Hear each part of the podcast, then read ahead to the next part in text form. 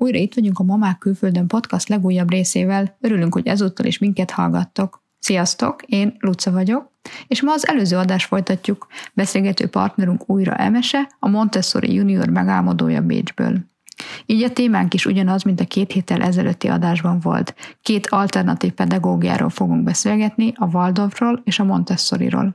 A hasonlóságokat már kiveséztük az előző adásban, ha lemaradtál róla, ajánljuk, hogy kezd azzal. Ma főleg a különbségekre fogunk koncentrálni. Nekünk Mártival nincs semmilyen pedagógiai végzettségünk, Emesének pedig Montessori pedagógiára szakosodva van alapdiplomája. Azt is megegyezném, hogy ezek mind ország és intézmény függőek, nem tudunk általánosságban az összes Montessori, illetve Waldorf pedagógiáról nyilatkozni. Ezek a mi tapasztalataink, és a legjobb tudásunk szerint mutatjuk be a pedagógiákat. Nem arra fogunk törekedni, hogy eldöntsük melyik a jobb, hanem hogy bemutassuk őket nektek egyszerűen, de mégis a lehetőségeinkhez képest egy átfogó képek adva. Az intro után kezdünk. Ez itt a Mamák Külföldön podcast, minden hónapban kétszer találkozunk virtuálisan. Mi testvérek vagyunk, Luca Angliában él, én pedig Olaszországban, és mindketten két kisfiúnak vagyunk a mamája. Négy fő témánk van, amiről egyébként is beszélgetünk minden alkalommal, amikor találkozunk. A podcast adásaink is erről szólnak. Ez a család, az önfejlesztés, az életvezetés és a vállalkozás.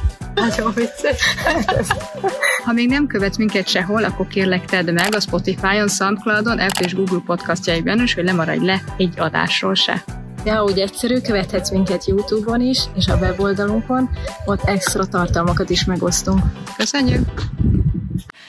Emese a Montessori pedagógia szakembere, legmagasabb képesítése van, ami szerezhető, de nem oktat aktívan. Márti, mint érintett szülő tud sokat a Waldorf pedagógiáról. Engem pedig mindkét irányelv vonz, de nem vagyok elhivatott egyik irányban sem, így továbbra is én leszek a kérdező szerepében. Egy kicsit általánosabban két pedagógiáról, a Montessori és a Waldorf által kínált holisztikus megközelítéseket az oktatásban már közel száz éve kipróbálták és tesztelték. Sok közös pontjuk van, valamint számos különbség van. Mindkét megközelítés hisz a tanulás gyakorlati és intellektuális megközelítésében. Kézzel fogható az oktatás és a megtapasztalás útján tanulnak a gyerekek. Minőségi, szép és természetes anyagokra törekednek. A tanulás megszerettetni akarják a gyerekekkel, ami aztán egész életen át tartani fog. Montessori és Waldorf is erősen érzékelteti a társadalmi reformokat a tanításukban. Hisznek az egész gyermek fejlesztésében. Montessori és Waldorf nem hagyományos értékelési módszereket alkalmaznak, a tesztelés és az osztályozás nem része egyik módszertannak sem. Összeszedtünk pár pontot, amiben nagyobb különbség érezhető, vagy ahol jobban érezhető a különbség a két pedagógiába, úgyhogy én ezeket a pontokat így, így fölvázolom nektek, és akkor megbeszéljük mindkét oldalt. Az első ilyen pontom, hogy, hogy a fantázia világ az egy eltérő dolog. A Waldorf, ugye ha jól e, tudom, akkor ő engedi, és sőt, sőt támogatja a fantázia világot, ezzel szemben a Montessori azt mondja, hogy a fantázia világot egy bizonyos korig teljesen zárjuk ki. Kezd mondjuk emesete, hogy mi ennek az oka, és hogy pontosan hogy van ez a Montessori pedagógiában. Montessori pedagógiában egyébként a képzelőerőt támogatjuk, tehát hogy mielőtt félreértés esik, nem, nem szeretnénk elnyomni a kreativitást, egy szó sincs erről. Viszont, viszont Maria Montessori úgy vélte, hogy az első, ez hat évben úgy, főként arra van szüksége a gyereknek, hogy a körülötte lévő környezetet, tényleg fizikai környezetet megismerje, embereket és, és tárgyakat, élőlényeket egyaránt, és azt annak a legjobb módja, ha, ha ezt minél realisztikusabban mutatjuk be neki. Tehát, hogyha ha egy állatfigurák vannak a, a könyvekben, nem feltétlen fotók, tehát nem, nem csak az a jó, de hogy, de hogy ha a gyerek még nem látott pandát, akkor minél élethűbb egy panda azon az illusztráción, annál jobb, mert ő arról alkot képet, hogy hogyan néz ki egy panda.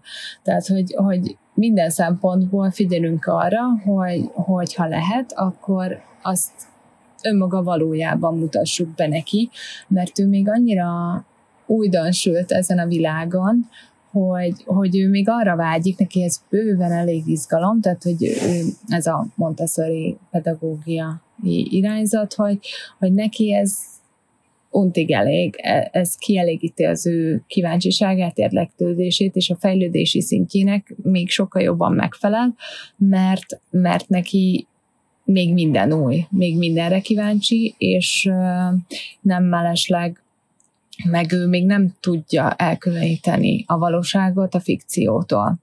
És nagyon összezavarődik a kettő, tehát hogy sokszor traumák és félelmek jelenhetnek meg kitalált lényeknél, mert hogy, mert hogy nem tudja még szétválasztani, hogy amúgy azok nem léteznek, Viszont lehet, hogy a másikat se láttad, egy kollát, de az, az meg létezik. Tehát ez még ez túl absztrakt nekik ahhoz, hogy, hogy ezt ő megfelelő módon el tudja különíteni az agyában.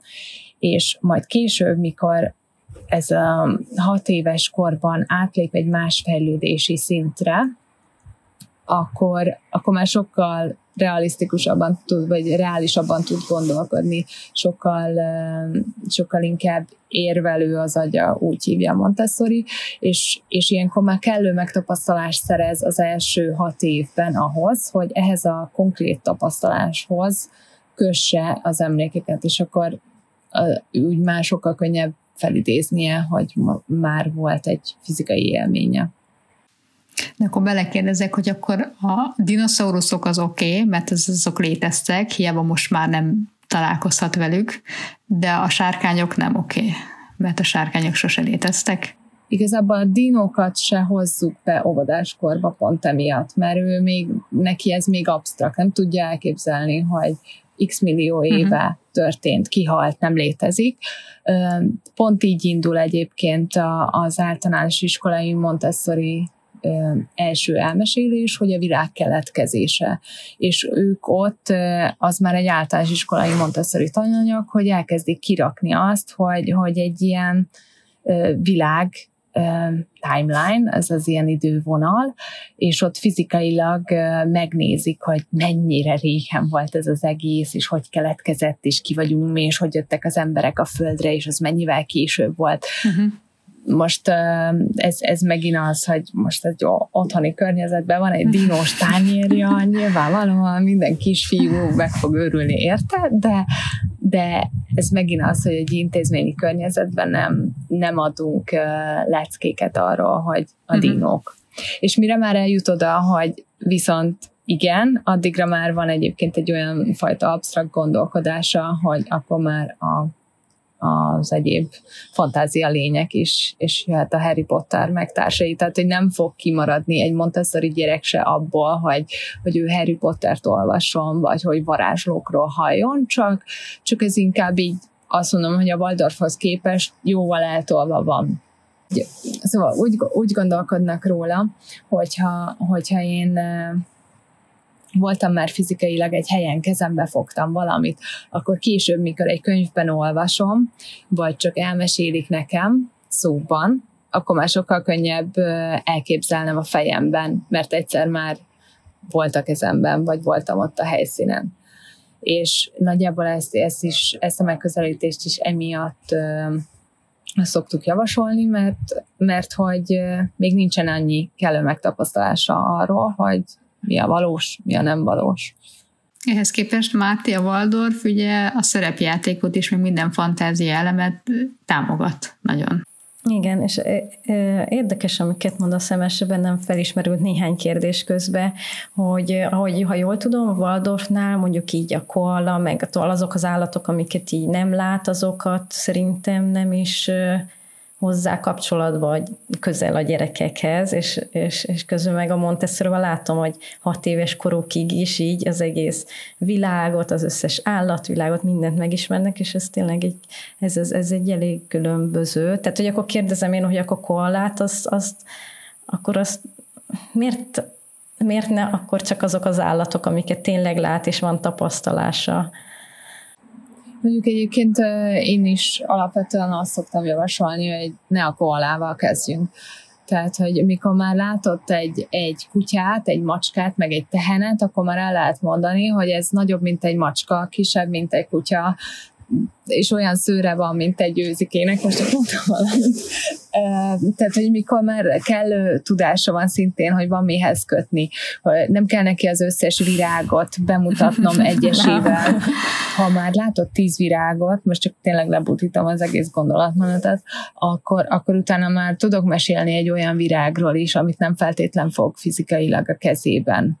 De azért hozzáteszem, hogy az mindig jobb, ha a kezébe fogja. Tehát, hogy, hogyha ha választanom kéne, akkor, és mondjuk egy tálcán kiraknom öt állatot, amivel mondjuk a névelőket megtanítom a gyereknek, akkor biztos, hogy valami formálatokat raknék én is rá. Tehát, hogy ez inkább sokszor egyébként szerintem ez abból is fakad, hogy hogy például a helyi kulturális különbségek, tehát hogy mondjuk felmegyünk különböző social media felületekre, meg, meg beírjuk a, a Google-be, hogy Montessori, vagy Montessori feladatok, és akkor látunk koalásat de lehet, hogy azt én már nem rakom szülőként össze a fejembe, hogy ezt lehet, hogy, hogy amúgy egy ausztrál gyerek játsza éppen egy Montessori intézménybe. Tehát, hogy, mm-hmm. és akkor elkezdi megvalósítani a cseh, cseh anyuka is, és, és akkor ez már Aha. úgy lesz egy kacsász az egészben, hogy akkor erről szól, de valójában azért mi is uh, ilyen téren a, a helyi kézzelfogható elemeket próbáljuk elsősorban.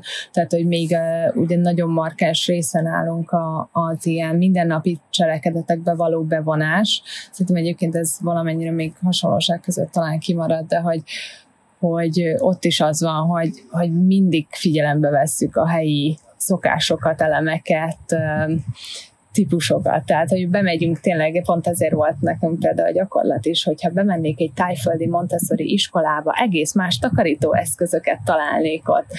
Hogyha, hogyha egy magyarba, ott is uh-huh. az a rész, az, az nagyon igazodnia kell, kell hogy a helyi sajátossághoz, mert, mert a gyerek elsősorban a saját környezetéhez, a népéhez, a közösséghez való tartozás részesít előnybe, ettől lesz neki biztonságérzete. Tehát, de nyilvánvalóan a tanár is, ahogy mutatja, hogy milyen irányba söprünk, még az is meghatározza, hogy na ez tuti helyi sajátosság. Tehát, hogy valószínűleg egy Montessori kínai iskolában más étkező szettek vannak, és ugyanúgy practical life, hmm. tehát, hogy ez a mindennapi cselekedetek, de teljesen más összképe van. És, és a fantázia világnál is visszakanyarodva, ott is ez van, hogy, hogy azért nem a koalákkal mm-hmm. kezdünk, tehát hogy, hogy amikor már kellő, kellő tudása van, akkor már lehet mesélni, de biztos nem azzal kezdenék én is, hanem a helyi madarakkal, a, a állatok, házi állatokkal, a helyi növényekkel, mert elsősorban az érdekli, ahogy, ahogy nyílik ki a kis mikrokörnyezete, hogy először csak a családja volt, utána már elkezdett közösségbe járni, az érdekli, hogy mit csinálnak körülött az emberek, ez mi, ez mi, ez mi korszak, aztán ez miért, ez miért korszak. Úgyhogy, úgyhogy ilyen kérdésedre visszatérve nagyjából ennyi. Uh-huh. Hát igen, a Waldorfnál a fantáziavilág az eléggé hangsúlyos, Egyébként ez két területen jelenik meg, ugye minden van, nap van náluk mese, és egyébként érdekes, én nem tudtam előtte, hogy egy mesét, általában ezek Grimm mesék, hivatalosan azt hiszem egy hónapig szeretnék minden nap ugyanazt a mesét mesélni, és az a vonő mesélte, hogy, hogy ez régen így volt, ma már nagyon rekord, a három hét is sikerül a gyerekek figyelmét fenntartani egy mesével három héten keresztül, de sokszor ez csak egy hét.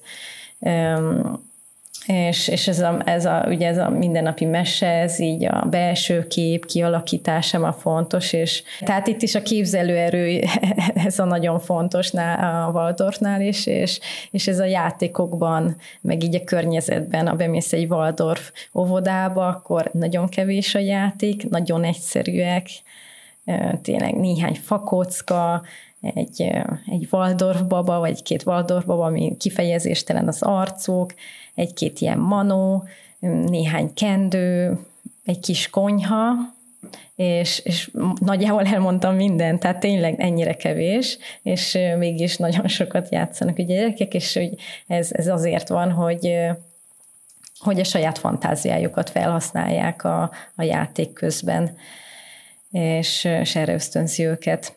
Én nem tudom most így megfogalmazni, hogy ez ahogy te tetted, Emese, az, a montessori kapcsolatban, hogy ez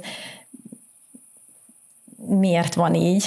Ez Rudolf Steiner ugye munkásságán alapul. De mondjuk én, én nekem ez a furcsa egyébként, hogy én ugye azt látom a gyerekeimen is, hogy egész nap megy a szerepjátékozás. Ez a kedvencük. Én nem, nem hiszem, hogy azért egyébként mert Waldorf óvoda, mert már előtte is. De szerintem egyébként a szerepjáték az nem összeegyeztethetetlen a Montessori-val meg, meg itt is... Tehát a Montessori vodában is szerepjátékoznak a gyerekek, vagy inkább csak otthon? Nem, otthon főként, meg az udvaron, meg, meg óhatatlan, hogy egymás közt is, tehát, hogy vannak olyan interakciók a gyerekekkel, de például fakockát külön, vagy egy, egy játékkonyhát, vagy, vagy babaházat, vagy versenypályát nem rakunk ki nekik külön, hanem, hanem ők tényleg nagyon sok sok időt töltenek egyébként a szabadban, szerintem egyébként a Waldorfosok is. Ott szabad játék van. Aha. És, és például ott, ott szintén megvalósulja. A kövekkel, a, a faágakkal, a bármivel, amit éppen a természetben találnak, meg, meg nekünk például itthon is vannak kis autóink, a kislányom ugyanúgy babázik, csak, csak például érdekes megfigyelése volt Maria Montessori-nak, hogy, hogy ez a klasszikus fa gyümölcsök, amiket ugye vágdosni kell egy, egy játékkéssel, vagy valami kis fapálcikával. És például ő, ő mondta, hogy, hogy még az elején neki is ez a kép jött le, hogy na, akkor ez a, ez a gyerekeknek a mindenkori vágya, és be is rakta a legelső gyermekek házában szerepjáték eszközöket, ö, olyan játékokat, hogy amivel eljátszhatja, hogy vasal. Most így nem, nem az a nagyon szabad játékot ösztönző fakocka, hanem ami konkrétan imitálja a felnőttek cselekedeteit, tehát hogy a, a műanyag vasaló, a, most ha ő korábban lehet, hogy nem pont ez volt, de hogy, de hogy a mi, mi korunkban tényleg van az a játékporszívó, kis vasaló, játékkis, ilyen mindenféle anyagból elkészített ételek, és stb. stb. És, és hogy ő, Mária Montessori nem ezeket, de hogy, de hogy egy az ő korának megfelelő szerepjátékot összönző ilyen konyhai dolgokat rakott be, és amint elkezdte készíteni, előkészíteni az ebédet, és megkérdezte a gyerekeket, hogy lenne kedvük csatlakozni, egyből ott hagyták a játékot, és az mindenek felett volt, tehát hogy ők elsősorban ott akarnak lenni, ahol a, a többi ember, a, és azt akarják csinálni, amit mi csinálunk, és hogyha ha bevonjuk, akkor az, az volt a konklúziója, hogy a gyerekeknek ez a preferenciája. Tehát, hogyha van biztosítva valódi, akkor szinte minden esetben azt választja a gyerek. És ezért egy idő után, mivel a mindennapok részévé vált, Hát az, hogy ők együtt takarítanak, együtt főznek, mosnak, csinálják azt, amit egy hétköznapi felnőtt ember amúgy is megcsinálna, házi munkagyanánt,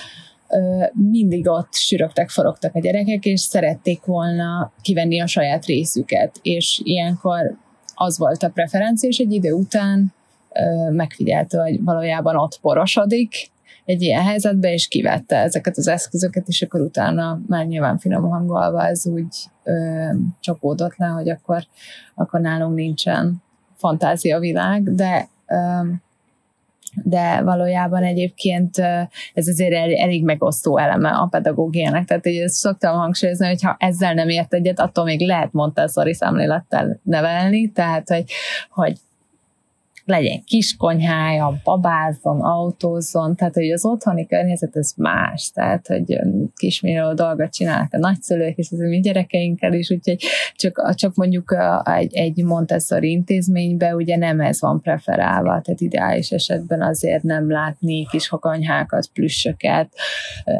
műanyag takarítóeszközöket, vagy bármi egyebeket, amiket elmondtam. Jó, és akkor térjünk rá a játékokra, eszközökre, mert ott is azért nagy különbség van, míg a Waldorfnál töreked, törek, míg a Waldorf rendszerben törekednek arra, hogy az, a játékok, az eszközök azok saját készítésűek legyenek, és minél természetbarátibb anyagokból, ezzel szemben, és egy picit azért hasonlóság is van, de a Montessori-nál viszont ezek az eszközök, ezek előre tervezettek, és nem kizáró ok, hogyha nem természetes anyag, holott ők is törekednek azért erre. Legalábbis én így tudom, de fejtsétek ki ti. Máté a Waldorf szemléletet bemutatod nekünk? Igen, hát abszolút a természetes anyagok, tehát mi anyag nagyon elvétve, tehát hogyha ha nem létezik az a, az a dolog mondjuk fából, akkor, de na- nagyon, tehát majdnem, hogy kizáró.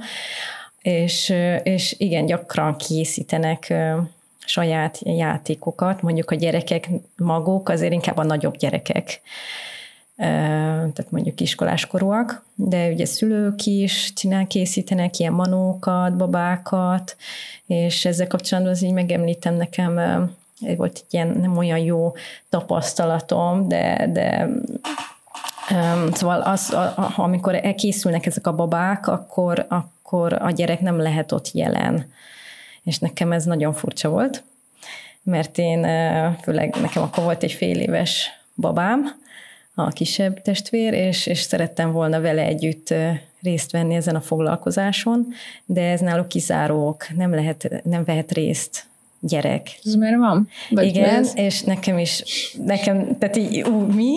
Hogy ezt nem értettem most komolyan, tehát és akkor hova vigyem a babámat? Tehát, hogy akkor nem mentem, egyébként tényleg az lett, hogy nem mentem. Elmagyaráztak, hogy ez ilyen nagy tűvel készülnek ezek a babák, és hogyha a gyerek meglátja, még ha az egy baba is, megijedhet, meg hogy, hogy átszúrjuk a fejét, a baba fejét ezzel a tűvel, és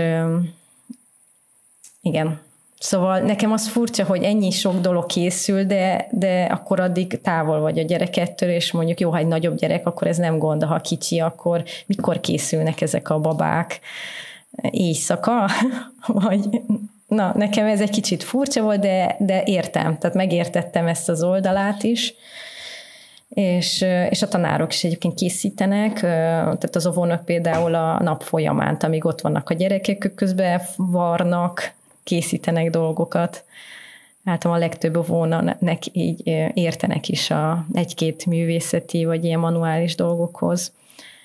Úgyhogy meg gondolom ebben benne van az, hogy jobban Szóval azzal, hogy ahogy mondjuk a tanárod vagy a szüleid készítették azt a babát, akkor akkor az mondjuk tényleg rólad szól. Tehát mondjuk a te vagy megmintázó, vagy a kedvenc állatod, vagy szóval nagyon személyes, és ezt a gyerekek ezt, uh-huh. ezt mélyen, ezt így átérzik. És akkor a mesebe mutatod a Montessori eszközöket?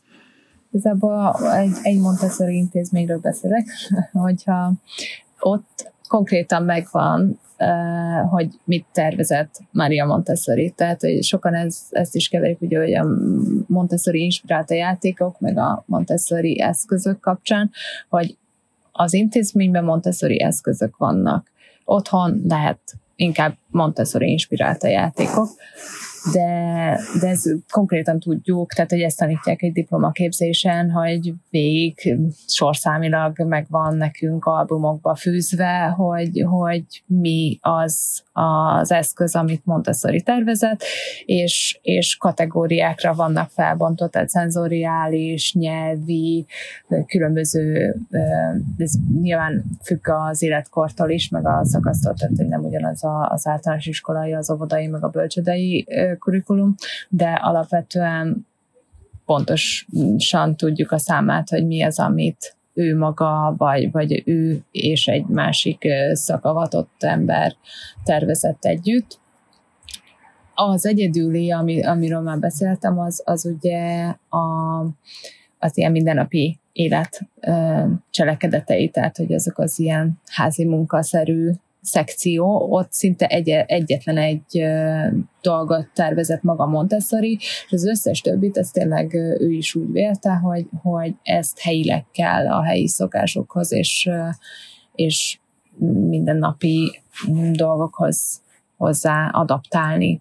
Úgyhogy az, az nagyon eltérő, tehát hogy azt azért a, a Montessori tanár is folyamatosan sűrök keres, keresi a tárcákat, átrendezi, rotál, alakítja, megfigyeli, nem jó, átrendezi, tehát hogy, hogy így mindig van egy dinamikája az ottani polcokban is, de, de például vannak olyan tipikus Montessori eszközök, amit számomra nem lenne Montessori intézmény, hogyha, hogyha ez nem lenne jelen.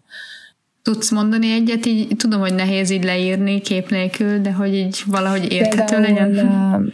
Például matematikában vannak ilyen aranygyöngyök, és, és az megadja az alapokat, hogy, hogy, hogy számoljon különböző matematikai műveletekkel és akkor ezek vannak egy, egy tízes rúdban, meg, meg egy százas lapocskába, és egy ezres kockába felfűzve, akkor azzal már tud fizikaiak gyakorolni. Ennek megelőző eszköze az, hogy például egy ilyen kék, kék-piros rúd, számoló rudaknak hívják, azzal tanul mennyiségfogalmat, tehát hogy ez ennélkül például nem indítanám egy matematikai tanrendet egy Montessori intézményben, hogy, hogy nem bizonyosodnék meg arról, hogy egy gyerek mit érti-e, hogy mit jelent az, hogy egy mert nem az a célom, hogy bemagoltassam neki azt, hogy egy, kettő, három, négy, hanem hogy valóban legyen mennyiségfogalma, és akkor utána ezt már nyilván tudom például a dörs számokhoz, ami ugye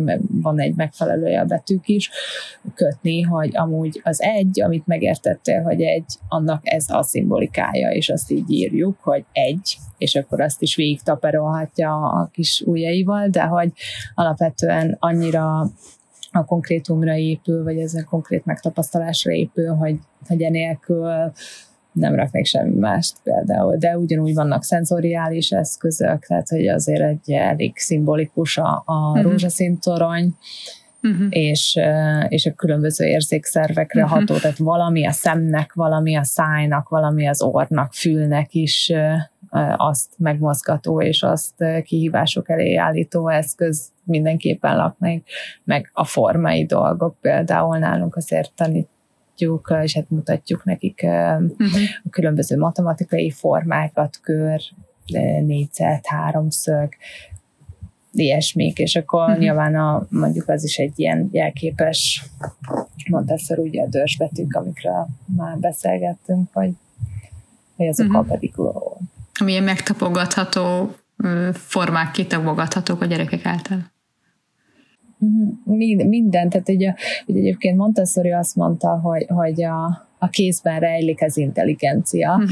és hogy amit, amit a kéz csinál, az az ész tárolja, uh-huh. vagy, vagy emlékezni fog az elme arra, amit a kéz csinál. Tehát, hogy, hogy, és, és tényleg igaz, hogy, hogy először amúgy is bennük van ez a szenzoriális készség és, és szükséglet, hogy mindent megtapogatnak, mindent a szájukba akarnak venni a gyerekek, a kicsik főként, de hogy, de hogy én, én is egész másképp tanulok, hogyha elolvasom egy biológiai könyvben, a jellemzőjét egy növénynek, vagy ott van előttem, megtapogatom, megszagolom, bármit, tehát egy Máshogy marad meg. érzékszervemet bevonva, ott van előttem, akkor persze, hogy másfajta a megtapasztalás, meg a tanulás is egész interaktív.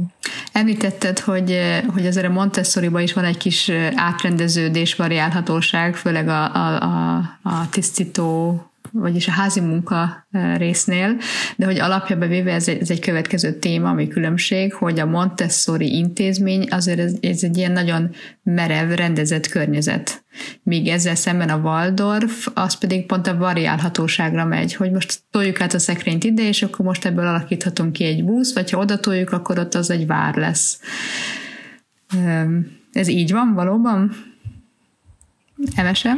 Én egyébként nem merevség, merevségnek hívnám, hanem például van egy olyan szenzitív periódusa a gyerekeknek, hogy, hogy a, a rend és a rendszer iránti érzékeny periódus, tehát hogy az angolul ordernek hívjuk, ez sok mindent belefoglal, de hogy, de hogy nekik Mario Montessori szerint ez ad biztonságérzetet, az, hogy, az, hogy tudom, hogy mire számíthatok, hogy az ott van, hogy az ott találhatom, és, és ő neki ezek az ilyen kis tájékozódási pontjai a, a tanteremben, a világban, hogy, hogy egy kis kiszámíthatóságot adunk nekik.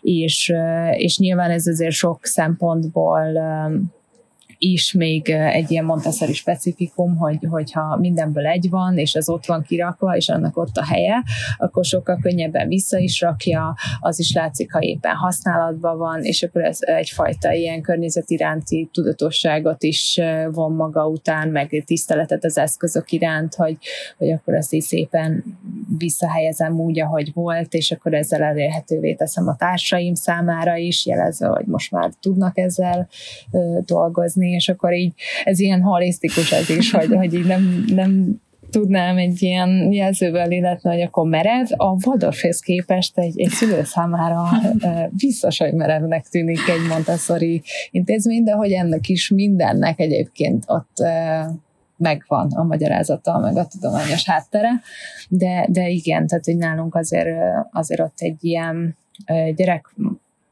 testmagasságban lévő polcokon, nyílt polcokon vannak, és vagy tálcakon, kosarakban, az, most az egyéni preferencia, meg nyilván az eszközök is valamilyen úton, módon kihelyezve, de az úgy szép, átlátható, rendezett, követi azt is például, hogy egyszerűtől haladunk a komplexig, uh-huh.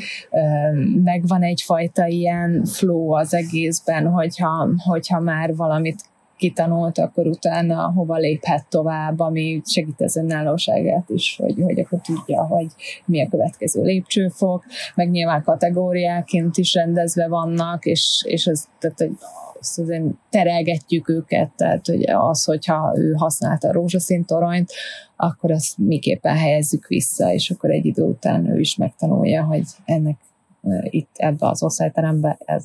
De ezt most nagyon úgy képzeljük el, hogy most egy Montessori otthon ez pont így néz ki.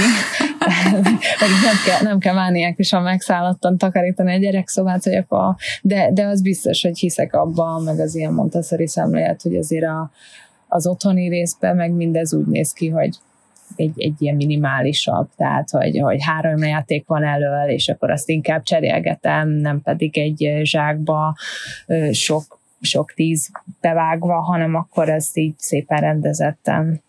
De az a Waldorfnál is úgy van, Márti, nem? Tehát, hogy a minimalizmus az jelen van, csak Igen. nagyobb a variálhatóság. Szerintem vannak itt hasonlóságok, a rendezettség is azért valamilyen szinten megvalósul, meg ilyen játékok után mindig van ez a közös rendrakás, mondjuk az ott más, gondolom ott egyénileg pakolják vissza, amivel foglalkoztak de mégis, hogy belépsz egy ilyen Waldorf óvodában, nem, nem hiszem, hogy azért egy olyan nagyon rendezett annyira, mint egy Montessori. És szóval az óvónőnek a dolgai vannak, nekem, nekem már az olyan, nem tudom, hogy, hogy pontosan, tehát hogy ott elő vannak a kis tíz óraihoz a dolgok, a kis teáskanna, nem tudom, ez más óvodában hogy van, nekem az már egy kicsit olyan össze-vissza de, de a gyerekek dolga azért mindegyiknek, mindennek megvan a helye, csak ugye napközben ezek teljesen átrendeződnek, aztán meg visszarendezik őket.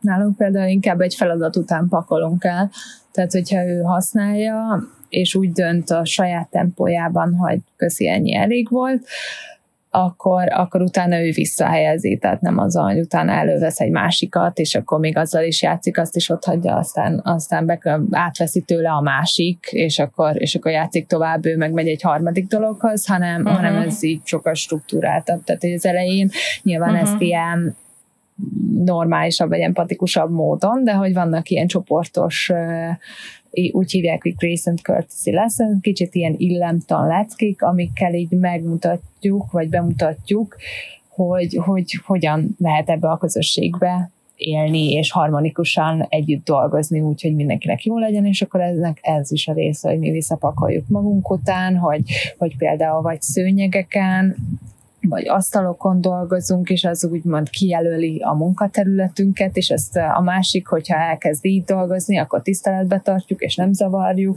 tehát hogy ezt így meg, megtartjuk így a privát szférájának. Szóval így ilyen szempontból sokkal struktúráltabb ez jó, hogy mondod egyébként, mert a, ez az közös rendrakás, például a Diego a fiam, nem szívesen vesz részt, és nem azért, mert az elpakolás, hanem nekem mindig mondja, de hát ő nem is játszott azzal, tehát hogy esetleg ő egyáltalán nem vett elő semmit, de ugye itt, itt meg a közösség, tehát hogy mindenkinek pakolás van.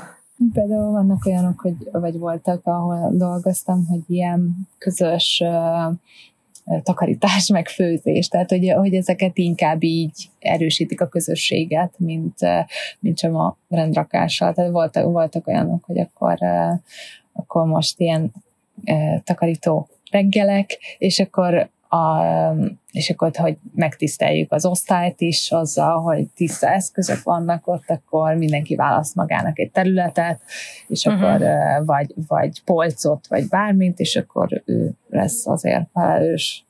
Ezzel be is léptünk a következő témára, ami, ami kicsit különbség, hogy míg a Montessori az önálló munkára ösztönöz, és inkább hibázon sokat, és tanulja, tanulja, tanuljon a hibájából, addig a, a Waldorf az inkább a csoportos munká, a csoportos játékokat erősíti, és inkább az utánzást, a szülők utánzását. Ezt jól tudom?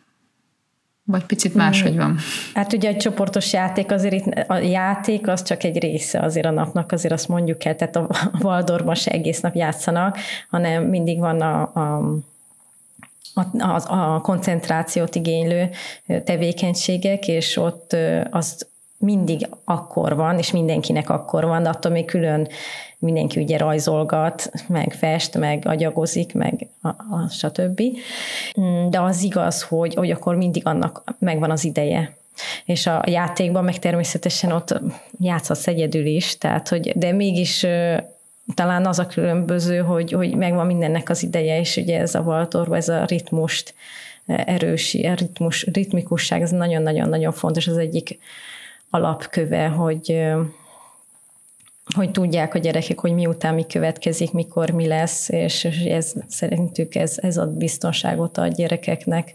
Még az, hogy, a, hogy a, hi, nem, nem, a, nem inkább arra, arra ösztönzik, hogy egyedül próbálgasson és hibázzon, hanem bemutatják egy, egy pedagógus, egy szülő, egy felnőtt, hogy ezt így kell csinálni, és utánzás alapján tanulnak. Hát igen, ez akkor úgy néz ki, ez egy, a, igen, úgy néz ki egy ilyen közös tevékenység, mondjuk egy festés, hogy az óvónő is fest mellettük, és akkor mindenki e, fest, a, tehát hogy figyelik általában az óvónőt, hogy mit csinál és soha nem az van, hogy most aztán festés van, és gyertek gyerekek, hanem igazából az óvónő elkezd festeni, előpakolja a többi eszközt, és akkor minden gyereknek úgy megjön a kedve, tehát ilyen, nem annyira ilyen kötelező módon, de, de, de, de itt ilyenkor ilyen utánzás van, tehát hogy látják, látják, hogy fest az óvónő is. És tehát a hibázás természetes, hát ez ilyen művészeti tevékenységek, tehát itt valahogy más szerintem, ami,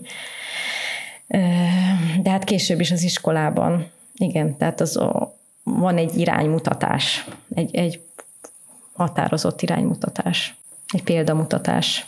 És ehhez képest a Montessori megoldás az inkább a hibázást teszi lehetővé, illetve hogy az, hogy, hogy bátorítja és hogy hibázzon nyugodt. Egyébként van egy, van egy olyan specifikum, vagy ilyen jellemvonása a Montessori eszközöknek, hogy nagy rész, nem mondom, hogy kivétel nélkül, de hogy, de hogy Montessori törekedett arra, hogy beépítsen egy ilyen önellenőrző funkciót ezekbe az eszközökbe, hogy ő magának el tudja dönteni. Tehát, hogy a prezentáció, a, a bemutatás, az szintén a tanártól jön, nagyon fontos, hogy az érdeklődési körét, meg, meg tényleg az egyéni kisembert figyelembe véve, de hogy, de hogy alapvetően megmutatjuk, hogy ezeket az eszközöket hogy kell használni, vagy így elindítjuk egy kicsit ilyen kulcsot adunk a, a, arra, hogy ez mire jó.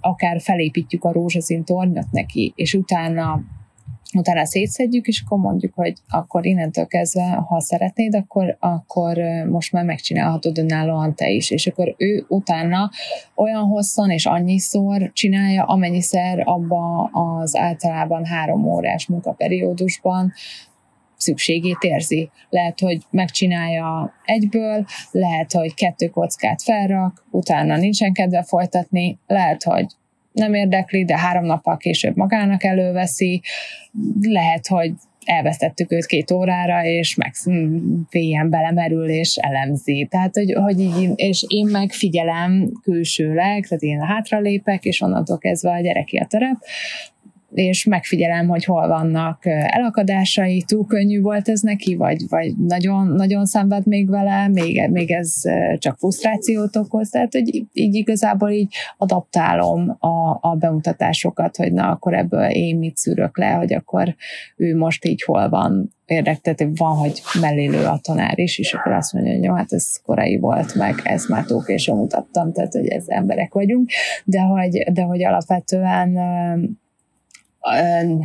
sok esetben bemutatjuk, inkább ezt mondom, mert most nem minden eszköz, tehát levehet a polcról úgyis eszközöket, pláne, hogyha azért viszonylag egyértelmű, hogy, hogy nem mutatjuk be, az is lehet, hogy egy másik kis társától már elleste, és akkor nem fogom kivenni a kezéből, hogyha azért sac per azért az életkornak megfelelő, és, és akkor utána ő valóban így az óvodai korosztály, meg a bölcsödei korosztály még főként egyénileg dolgozik, de, de vannak ki, jobban szociális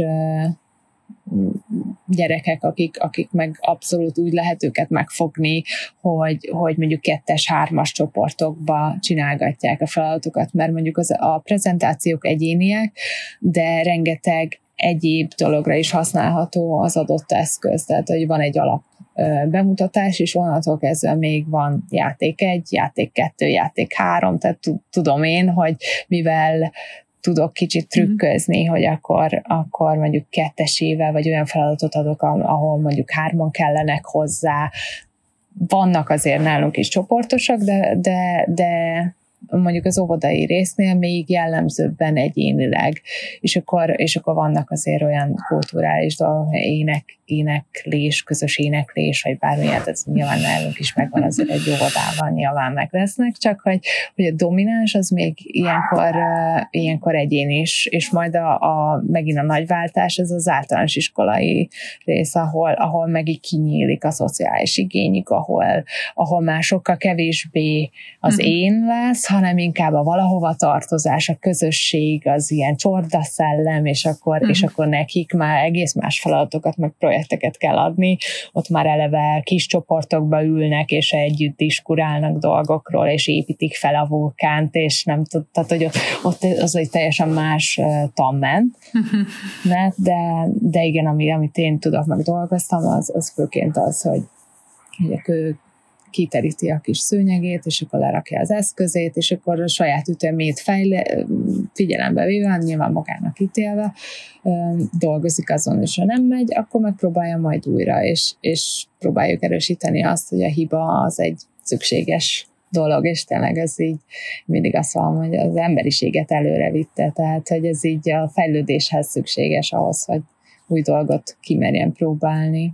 Az csak egy lépcsőfok. Igen, és akkor erre rá is tértünk a következő témára, ami kicsit kötődik ehhez, hogy a Waldorfba a, a csoportszellem abba is továbbvivődik, hogy a ritmusokba, amit Márti már picit említettél, hogy pontosan tudják a gyerekek, hogy hétfőn milyen étel lesz, hogy mikor lesz étel, és az mindenkinek pontosan ugyanakkor van, míg a, a montessori ha jól tudom, ott viszont akkor van uzsonna, vagy snack time, vagy ahogy nevezzük, amikor éppen megkívánja a gyerek hogy ez mennyire valósulhat, tehát hogy ez, azt nekem az, azt érdekes elképzelni, vagy nehéz elképzelni, hogy egy óvodában, egy intézményben ki van rakva mondjuk alma, vagy valami, ami, ami snacknek, hogy, hogy akkor oda bármikor oda mehet és ehet, hogy hogy valósul meg akkor mondjuk egy ebéd, amit, amit azért valamennyire egyszerre kell létrehozni, vagy az is teljesen egyén függő? Tehát egy igazából a,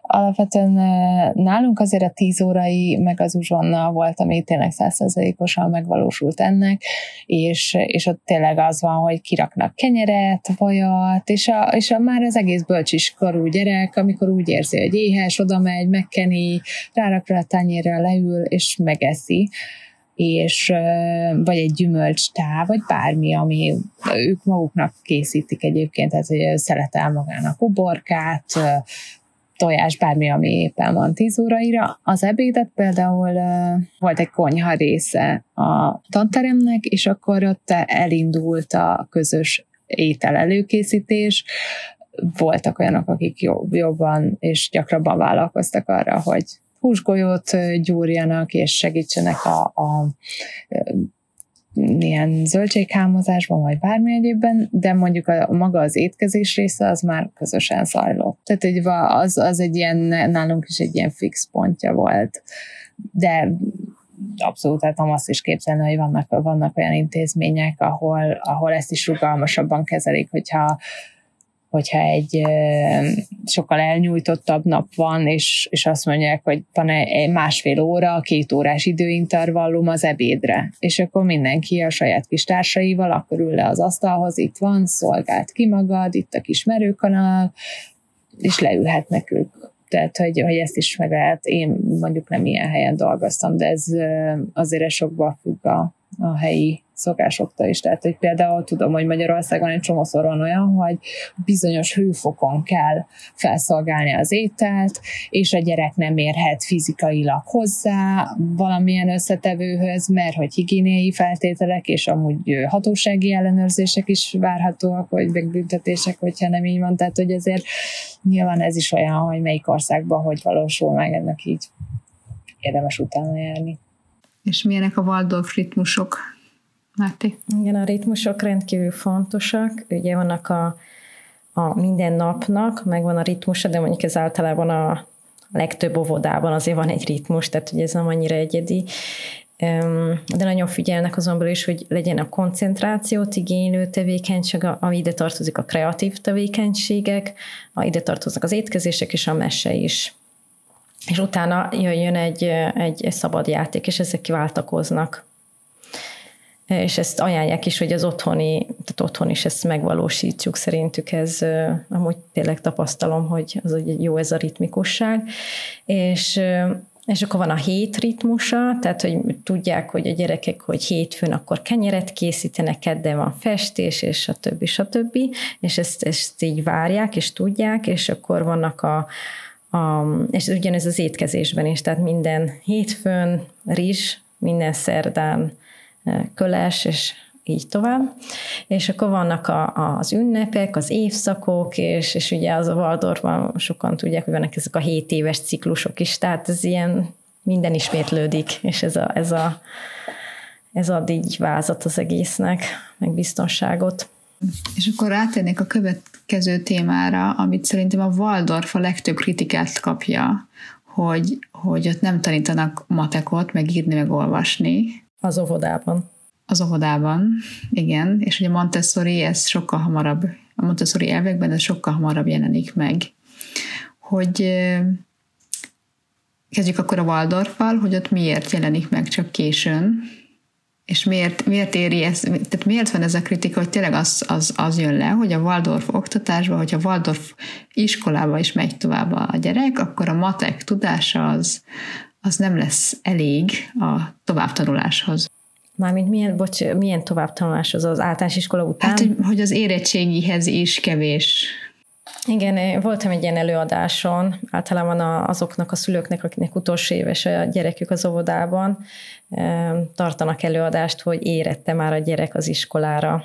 Mert ugye elég gyakran, hogy 7 évesen kezdik, itt például Olaszország meg 6 évesen, tehát ez, ez egy év különbség, és hát sok szülő nem szeretne egy évet még várni, és, és akkor téma ez is, hogy az írás-olvasás, és ennek, ennek filozófiai háttere van, én ezt, én ezt így értettem, hogy az első het, hét év alatt más, másra fordítja a gyerek a, a, a belső energiáit, a, tehát a fizikai testének a fejlődésén munkálkodik, a járás, beszéd, és, és a korán kezdi a, a, tehát az ilyen intellektuális, meg ilyen gondolkodása kapcsolatos dolgokat, az megzavarja az egészséges fejlődését, mert ugye az első hét év egyébként az akarat fejlődés, és akkor utána jönnek az érzelmek, és aztán utána a gondolkodás 14-től 21-ig.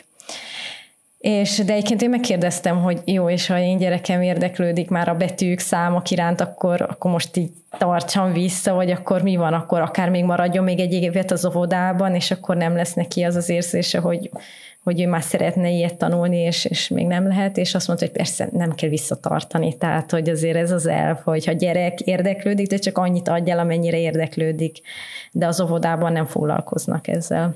Hát nem tudok arra a második kérdésedre válaszolni, hogy ez mennyire igaz, hogy, hogy, hogy később. Szerintük nem. Tehát, hogy szerintük még annyi, annyi idejük van, és azzal, hogy te korábban belezavarsz ebbe a fejlődési vonalba, ezzel en, en, en, ez visszaüt. Ehhez képest a montessori viszont, ahogy már említetted, Demese, hogy a tapasztalás, a kézzel fogható számok és betűk kell, meg, meg, a, meg az egységek érzékelésével sokkal hamarabb elkezdik ezt az oktatást, konkrétan oktatásnak nevezhetjük. Igen, tehát igazából én, én mondjuk tanítani nem, tehát nem szeretem a tanítás szót ilyen értelemben, mert, mert hogy ő tényleg ezekre úgy vannak megalkozva egyébként zseniális módon ezek a, az eszközök, hogy ő, hogy ő játszva tanul, tehát hogy ami így a köztudatba beépült, hogy játszva tanul, mert hogy, mert hogy nem arról van szó, hogy én kitalálom, hogy akkor most van négy éves vagy kislányom, akkor most már ideje megtanulni, hanem, hanem hogy Montessori alapvetően, amit mondtam, kövesd a gyermeket mottóval, ténylegesen ő az érdeklődését követi. És mivel itt él köztünk, meg, meg lát minket napi szinten, hal minket, szerintem melyik a szülő nem találkozott az a három-négy-öt évessel, aki, aki nézte a műzlis doboz hátoldalán a betűket, vagy ismételte a számokat utánunk, és kérdezte, és érdeklődött, és, és Montessori erre eszköz zökkel reagál, tehát hogy azt mondja, hogy akkor én biztosítok neked egy olyan megfelelő, átgondolt környezetet, amivel akkor ezt így ténylegesen meglátod a kapcsolatokat, megérted a logikát mögötte, nem mint egy papagajbe megoldhatom, tehát hogy, hogy, hogy, hogy alapvetően ő magát tanítja meg az eszközök segítségével. És hogyha nem érez érdeklődést, és mondjuk tantervileg ez majd helyi jogszabály szerint ez, ez nem kell, hogy, hogy tudása birtokolja, mire iskolába megy, akkor, akkor nem követjük le. Tehát, hogy nyilván erőltetni nem, de, de alapvetően azt látom pláne egy olyan környezetben, ahol van 20-30, ugye fontos, hogy vegyes korcsoport, gyerek, különböző érdeklődéssel és korosztálya, és, és elkezd az öt éves ezzel játszani, már három évesen is szívja magába ezt az a gyerek, aki még lehet, hogy nem áll készen, és akkor mutatok neki olyan feladatokat, ami, amivel egy kicsit előkészítem mindezt, mert úgy nem bomba semmiből mutatom neki, hogy ez a J betű, tehát hogy ez gondosan fel van tényleg építve, de, de ő látja és érdekli, és azt akarja csinálni, amit a nagyobbak csinálnak, és alig várja, hogy ő is eljusson erre, és így azt tapasztalom, hogy ezt ők tényleg így örömmel csinálják, tehát hogy ez nem arról szól, hogy nekem vagy a szomszédnének bebizonyítsa, hogy el tud olvasni valamit, hanem hogy, hogy ők ezt tényleg örömüket lelik ebben, és, és tényleg látom a fejüket, amikor így kijön egy szám, egy összeadás után, mert hogy ugye ez az, az ilyen markás különbség egy, egy Waldorfos Montessori között, tehát hogy ott, ott igen fog, van része a matematika, a nyelvtan, a földrajzbiológia, egyéb ismeretek is, és, és ott fog számolni, adott esetben összeadás, kivonás, szorzás, osztás, törtek, ezek, ezekre mind megvannak azok a fizikai eszközök, amivel ő magát önállóan taníthatja, ellenőrizheti és követheti az érdeklődését. Úgyhogy ő, de, de én azt érzem, hogy a Montessori sokszor meg ezért támadják, hogy akkor elveszik a gyerekkorát, és akkor, és akkor így, és hogy hagyjuk játszani, hagyjuk gyereknek, és valójában én legalábbis így a hétköznapokban nem azt látom, hogy ez úgy, hogyha, hogyha jól van csinálva, természetesen, hogyha arról szól, hogy na ez a Montessori, és akkor most én beszerzem az eszközöket, vagy tényleg leülök és megtanítom, az, az más. Tehát, hogy, hogy én nem, nem, azért is nem szeretem azt, hogy tanítom őt, mert, mm. hogy, mert hogy ezt ez nem, nem az a tanítás, amit így az ember elképzel, ha kimondja azt a szót, hogy tanítás. Tehát, hogy a, ahogy ahogy az én gyerekem is itt él Bécsbe, én nem tanítom németül, hanem itt él, és szívja magába, és neki, neki ez nem az, amikor így erőfeszítéseket kell tennie, és tudatosan összpontosítani, és leckéket és feladatokat csinálgatnia, és úgy tanítjuk meg olvasni, hogy leíratjuk 40-szer, hogy a betű, és akkor meg tudod tanulni, vagy, vagy tényleg így bemagoltatjuk vele a szorzótáblát, hanem olyan fantasztikus eszközök vannak, amivel ő ezt mindezt észrevétlenül maga ez a szivacsagy által befogadja, és és alapot biztosít, igen. Ezzel kapcsolatban csak egy személyes negatív élmény, hogy itt Angliában uh-huh. a, az óvodában nagyon erősítik, hogy a három-négy éves kora között már el tudja olvasni a nevét, és azt mondom, hogy jó, oké, fölismerje, hogy az az ő, tehát nem kell elolvasni a betűket, fölismerje, ezzel még így ki is egyeztem, viszont négy évesen már, már iratják velük a nevét, leíratják. És ez nekem azért azért nagyon rossz élmény, mert hogy a rajz tudása jelenleg a, a fiamnak ott tart, hogy krix-krax, tehát hogy semmi kivehető nincs benne, vulkánt tud rajzolni, mert az a kedvence, és stratovulkénot tud konkrétan rajzolni, mert azt imádja, és az tényleg ott vannak a rétegek, lemezek, de ennyi. Ezen kívül nem rajzolt még életében se fát, se embert, se háromszöget, se kört, se vonalat, semmit, de láttam, hogy leíratják a nevét, és igen, valamennyire olvashatóan le tud írni egy emilt, ami nem túl hosszú, de akkor is ott vannak a felismerhető betűjelek, ami nekem nagyon, nagyon korai és nagyon furcsa, hogy ezzel kell kezdeni a, a rajztudását hogy betűket ír. Na, például Montessori egyébként nagyon nagy hangsúlyt kap az előkészítés is, tehát hogy az az, az ilyen indirekt előkészítés, ami nem is arról szól, hogy most a, a betűk előtt még a hangokat gyakoroljuk, hanem még azelőtt, hogy, hogy, hogy ő neki a három ceruza fogó ujját erősítsük, és mondjuk azt a dinamikáját, ami majd később az írás meg olvasáshoz fog kell lenni, azokat például egy házi munka során hogy sajátíthatja el, és akár bölcsiskorba kezdve mindez. Tehát, hogy, hogy így annyira ilyen step by step épül fel, hogy, hogyha, hogyha ez ilyen dur bele, hogy akkor írt le a neved, és akkor leírom neked nyomtatott betűkkel, te meg négy évesen után, az, az nem ugyanaz a fajta tudásanyag, mint amikor ő tudja, hogy mit jelent az, hogy b, és én elmondom már neki, uh-huh. hogy amúgy ennek ez a szimbolikája, így néz ki a bő,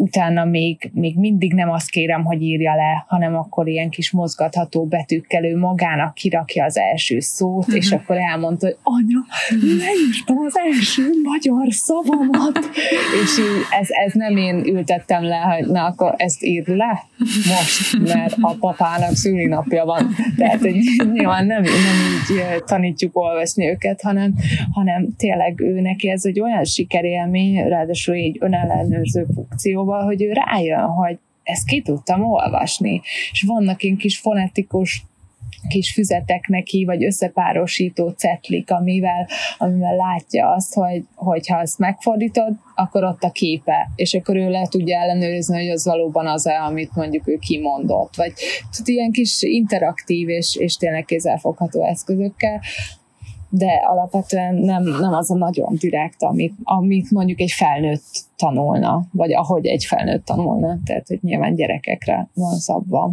Ja, ezzel kapcsolatban lenne egy kérdésem, hogy a Montessori óvodában, hogy mikor rajzolnak a gyerekek, tehát hogy ez is valami feladattal van kapcsolatban, vagy az mindig ott van papírcerulal, és amikor van kedve rajzoljon. De kíváncsi lennék.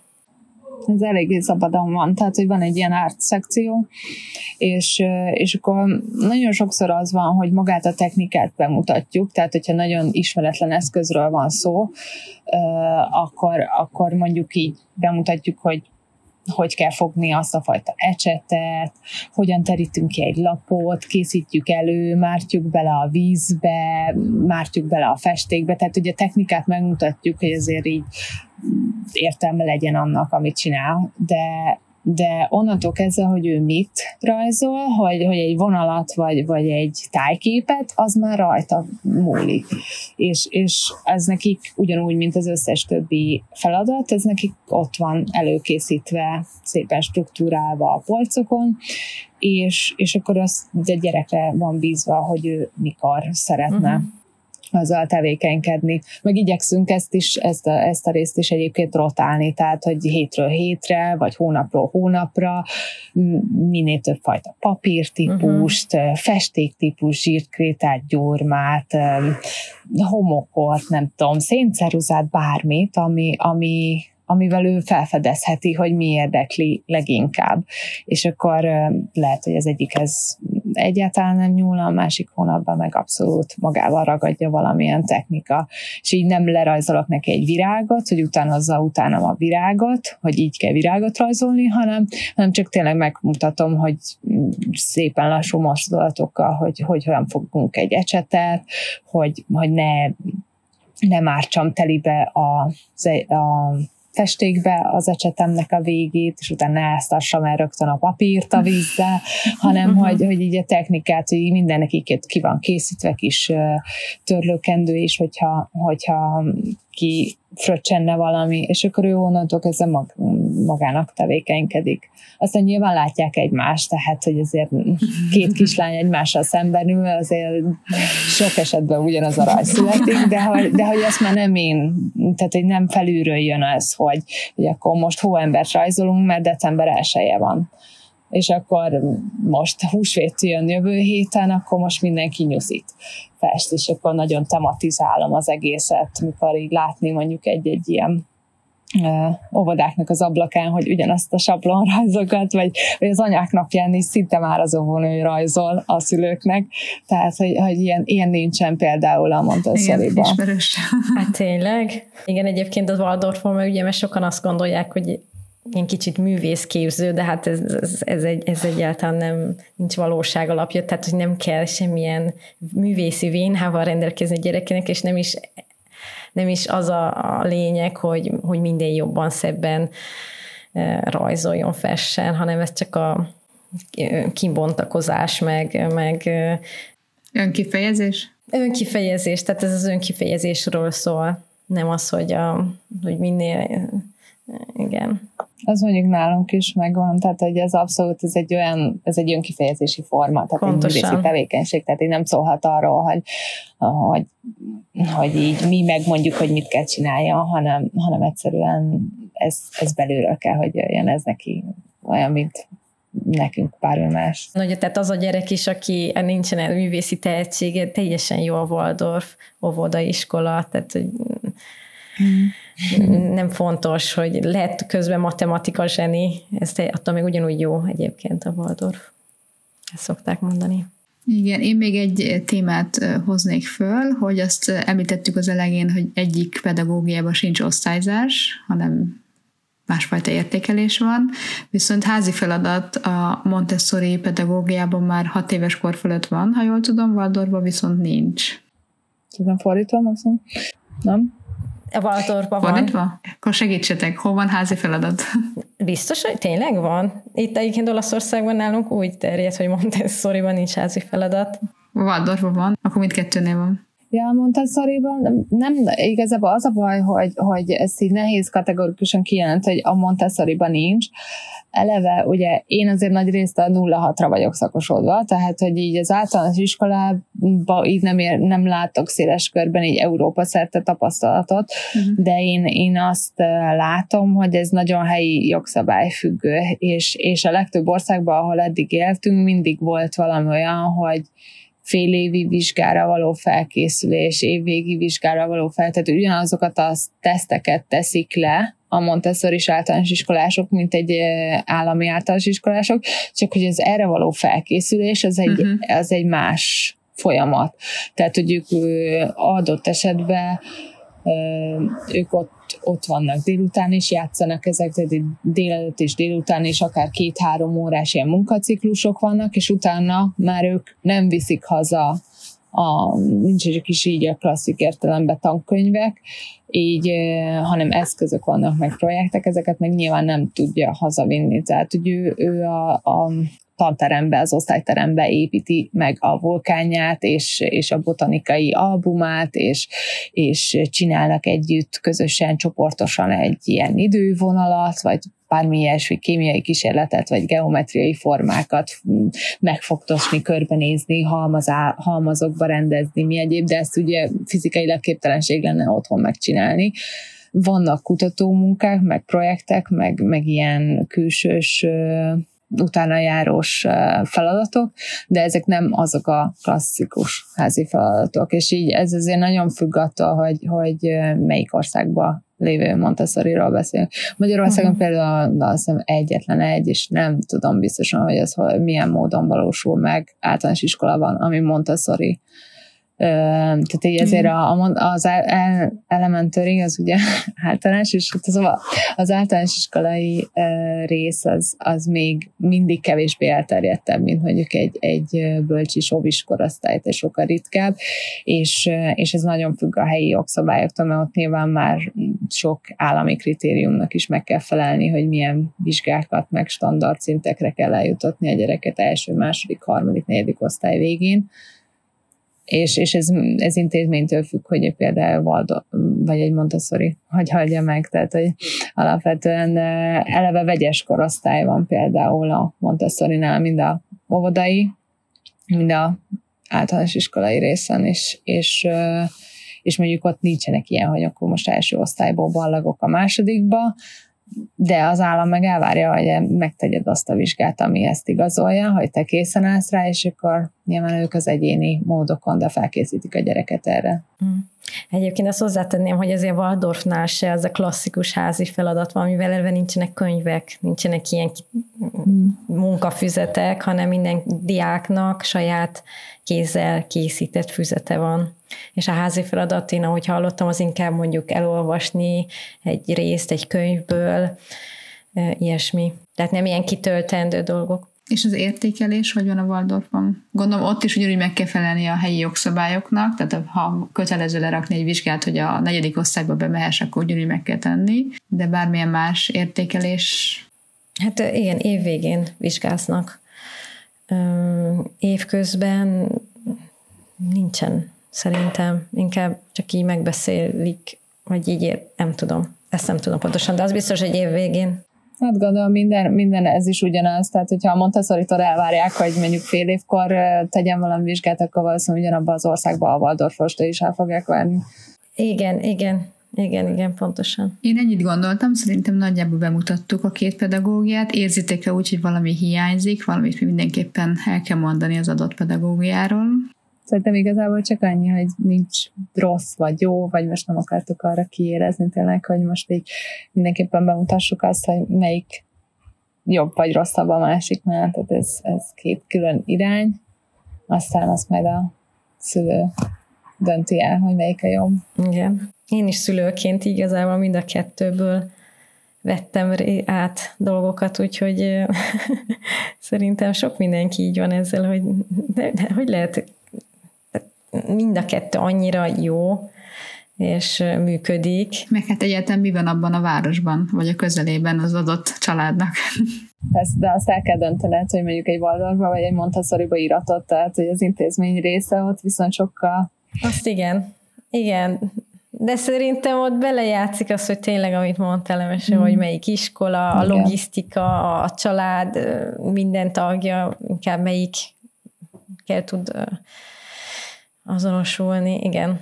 Hát pontosan, és még azt azért hozzátenni, hogy a Waldorfnál nem annyira, de a pedagógia része lényegében az, hogy a szülők nagyon aktívan részt vesznek, és talán azért ez egy nagy különbség. tehát a, ugye a létre, az iskola létrehozásában is, de aki, ha már létre van hozva, akkor is a takarítás, a, a kert rendbetartása, tárgyak, beszerzése, szóval rengeteg feladat van. Szóval ez minden Waldorfra igaz? Vagy, vagy így a tietekre? Nem tudom, hogy... Nem, ez hát mind, mindegyikre, én úgy tudom. Uh-huh. Hát vagy többé-kevésbé, de nálunk úgy van egyébként, hogy ki, ki, tehát minden önkéntes. Mm. Tehát ami, ami kötelező nálunk az, hogy ki kell fizetni a tandíjat, mert szülők által fenntartott, de amúgy az, hogy te mennyire vagy aktív, hát a takarítást azt meg kell csinálni, de azt is kifizetheted, tehát kiszervezheted, és úgymond megteheted azt, hogy nem csinálsz semmit, és nálunk ez van ilyen. Igen. De de azért sokkal jobb részt venni, és egyébként ez az előnye is, tehát, hogy aki ezt ráérez, az ebben nagyon sok pozitívum van, tehát a közösségnek a kialakulásában egy csomó barátot szereztünk így közös kertrendezés közben. Úgyhogy ez nem, ez, nem, ez nem csak negatív, csak ezt tudni kell mondjuk egy családban, nincs semmilyen szabad időd, és sokszor még mondjuk ahelyett, hogy a gyerekeddel vagy elmész takarítani, mondjuk mi sokszor visszük a gyerekeket, de ezzel ezt mérlegelni kell, hogy ez belefére. Na, hát én köszönöm mindkettőtöknek, egy kicsit mélyebb bevilágítást kaptam mindkét pedagógiába, és remélem ti is, akik hallgattok minket, hasznos volt nektek. Én is csak azt tudom mondani, hogyha, hogyha dönteni kell, ha intézményt kell választani, akkor el kell látogatni, beszélni kell a tanárokkal, az igazgatóval, esetleg ott tanuló diákokkal, vagy, vagy a szüleikkel, és, és, és utána utána egy személyes vélemény alapján érdemes dönteni, és hogy otthon milyen pedagógiát alkalmazunk, ott meg ahogy Emese is, meg Máté is mondta, hogy, hogy lehet egy picit innen meg onnan is lopkodni, ami nekünk jobban fekszik. Nyilván, hogyha egy adott intézményt választunk, egy pedagógiát, akkor, akkor ami, amit fontos, hogy otthon is e, azt szerint vigyük, akkor azt, azt, azt hagyjuk meg, azt tartsuk meg, de azért egy picit lehet azt alakítani. Jó, emesét leginkább Instagramon, a Montessori Junior néven tudjátok megtalálni, érdemes őt bekövetni, mert rengeteg hasznos információt oszt meg a pedagógiával kapcsolatban, a mindsettel kapcsolatban, én is, én is követem őt, és nagyon sokat tanulok belőle, úgyhogy keressetek rá, és a linket is berakjuk a leírásba. Sziasztok! Én is köszönöm szépen még egyszer a meghívást. Sziasztok! Sziasztok! Ez volt a mai adás, és ahogy megszokhattátok, két hét múlva jövünk a következő résszel és természetesen iratkozzatok fel a csatornánkon, értékeljétek az adást, írjátok meg a véleményeteket a mamák külföldön kukackemő.com e-mail címben.